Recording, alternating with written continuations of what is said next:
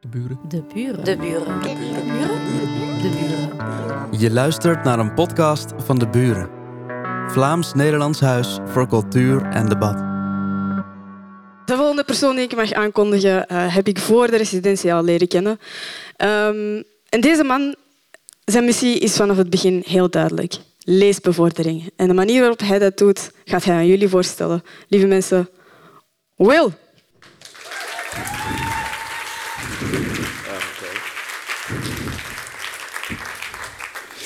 Nou jongens, lezen is voorbestemd voor iedereen.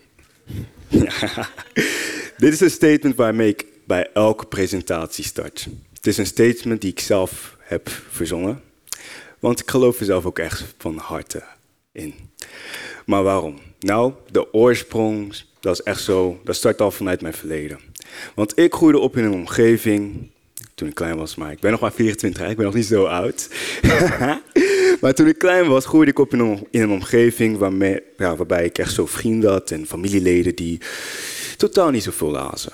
Dus ja, hoezo? Oké, dus de eerste reden is voornamelijk, ja, zij beschouwden lezen dat alleen maar voor nerds was voorbestemd en zo. Alleen maar de rijke mensen deden dat, want zij hebben het geld ervoor om al die dure boeken te kopen, dus wij doen dat niet. Dus ja, oké. Maar is een bibliotheek. Gratis, maar oké. Uh, de tweede reden. De meeste boeken die we moesten lezen op school waren totaal niet representatief genoeg. Dus de hoofdpersonages die aan bod kwamen in de boeken die we moesten lezen, ja, eigenlijk de dingen die zij ervaarden, konden ons eigenlijk echt totaal niks schelen om toe te geven.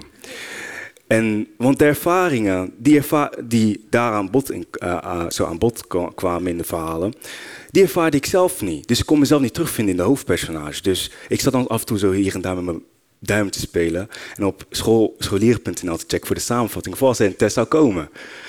En de derde reden waarom dat mijn vrienden dat dan dachten, ja, als je echt zo denkt dat lezen niet voorbestemd is voor jezelf, ga je ook automatisch beginnen nadenken dat jij ja, nooit te lezen zal worden. En nu dat ik 24 jaar ben en ook een verwente lezer ben, geeft het mij dan wel een heel naar gevoel. Gewoon een gevoel van teleurstelling, van pijn ook. En ook van een soort van minderwaardigheidscomplex zou ik zeggen. Want dat geeft me ook echt zo de impressie dat je echt zo jezelf minderwaardig vindt ten opzichte van de mensen die wel lezen.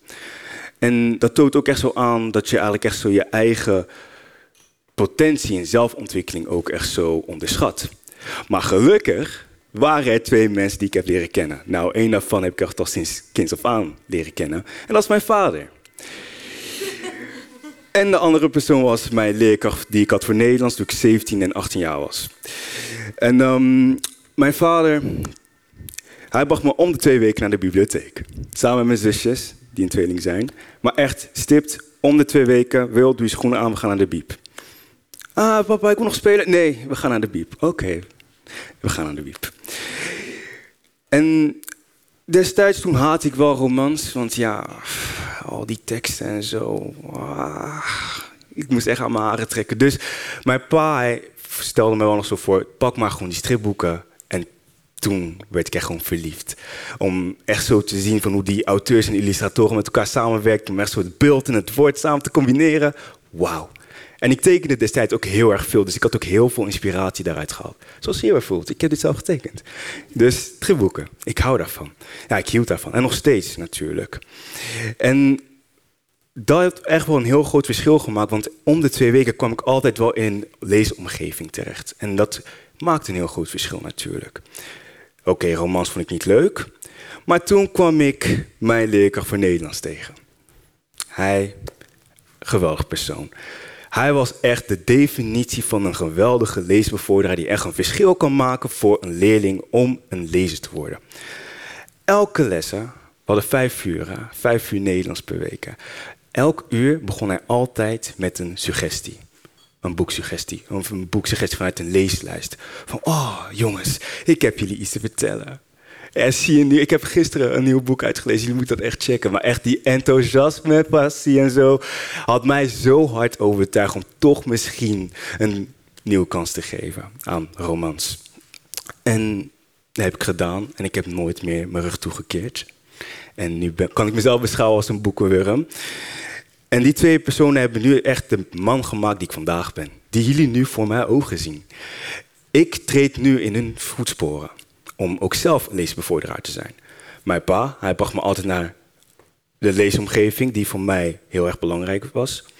En mijn leerkracht, hij heeft echt gewoon zo zijn aanstekelijke passie en zo. Zijn liefde, die, zijn uiting voor zijn liefde voor boeken.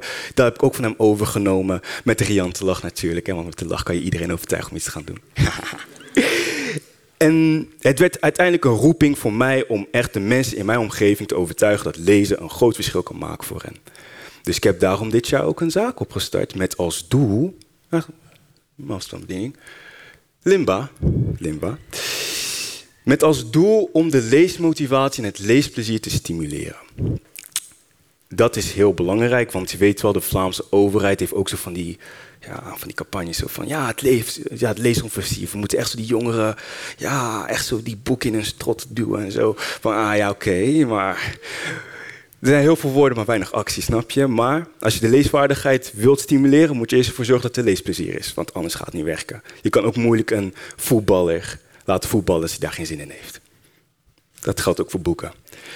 En als visie wil ik de zichtbaarheid van het lezen vergroten. Waarom is dat belangrijk? Want ja, vandaag de dag, we merken wel op dat er niet zoveel meer wordt gelezen in openbare ruimtes. En dat kan ook een grote invloed hebben van hoe frequent dat jij leest. En daar wil ik ook een verschil aan uh, maken. Om echt zoveel mogelijk reclameborden te vullen met nieuwe boeken die uitkomen. Of nieuwe leesbevorderingsprojecten. Of literaire evenementen die gaande zijn. Zodat mensen daarvan bewust van zijn en daar, en daar naartoe kunnen gaan. En als doel, dit is voor mij echt iets heel persoonlijk. Ik wil uitgroeien tot een belangrijke rolfiguur in het letterenveld. Want um, vroeger ja, leerkrachten, leek, die leken niet echt zo hard op mij natuurlijk. Hè. Dus ik had ook echt nooit echt zo de passie om een leerkracht te worden. Want de meeste leerkrachten die leken niet op mij. Dus met mijn passie in het letterenveld, dus leesbevordering, lezen, schrijven, maak niks uit, wil ik toch wel iets betekenen voor de volgende generatie. Zodat ze naar mij kunnen opkijken. En misschien zullen dan later in de toekomst meerdere mensen dan dat gat vullen. Zodat meerdere kinderen die op mij lijken kunnen zeggen van... ah ja, eigenlijk, ik kan ook wel een leerkracht worden, man. Of een economist. Of een wetenschapper. Waarom niet? Want dan missen we. En dat hebben, wij, dat hebben wij vandaag de dag wel, maar die worden niet genoeg in de schijnwerpers gezet. Maar ik beloof het voor mezelf en voor jullie ook dat ik daar een verschil in ga maken. Geloof mij. dus um, ja, ik klink misschien wel als een heel ambitieus jongen. Maar uh, er zijn hele leuke woorden en zo, hè, maar hoe zit het nou met actie? Nou, oké, ik ga het jullie vertellen. Met mijn zaak Limba organiseer ik momenteel literaire evenementen, waarbij ik gewoon mensen ontvang om gewoon samen te komen lezen. Je brengt gewoon je eigen boek mee en dat boek dat je meebrengt dient als een perfecte ijsbreker om een conversatie aan te gaan tijdens de pauzes. Tijdens de leesmomenten lezen we gewoon in ons eigen boek. Maar tijdens de pauzes starten we gewoon met: hey, welk boek heb jij meegenomen? Of wie is de auteur? Waarom heb jij dat boek meegenomen? En dan begint het balletje te rollen en dient dat boek ook als een perfecte bindingsmiddel. En verder ga ik ook nog workshops geven aan scholen van, en om ja, jongeren te motiveren om meer te lezen. Ik publiceer ook heel veel ja, online content waar ik echt alle vrijheid krijg om echt mijn passie te delen over boeken en zo. En vier, belangrijkste, niet heel veel mensen weten dit, maar jullie weten het wel. Ik ga een boek schrijven, jongens. ja, ik ga een boek schrijven. En ik moet ook mijn thesis schrijven volgend jaar. maar dat komt goed, dat komt goed, komt goed. Um, in dit boek volg je een 16-jarige jongen, niet snut, die eigenlijk totaal niks heeft te doen. En lezen, dat haat hij. Maar geleidelijk aan, wanneer je het boek leest, begint hij uit te groeien tot een lezer. Maar hoe dat, hoe dat gaat gebeuren, dat gaan jullie zelf weten volgend jaar wanneer dat boek uitkomt. En ik zal ook alles moeten illustreren. Dat doe ik ook, hè? dat doe ik allemaal ook. Dus um, ja, ik hoop dat jullie hebben genoten van mijn presentatie. Ciao. De buren. De buren. De buren. De buren. Je luisterde naar een podcast van De Buren. Vlaams-Nederlands Huis voor Cultuur en Debat.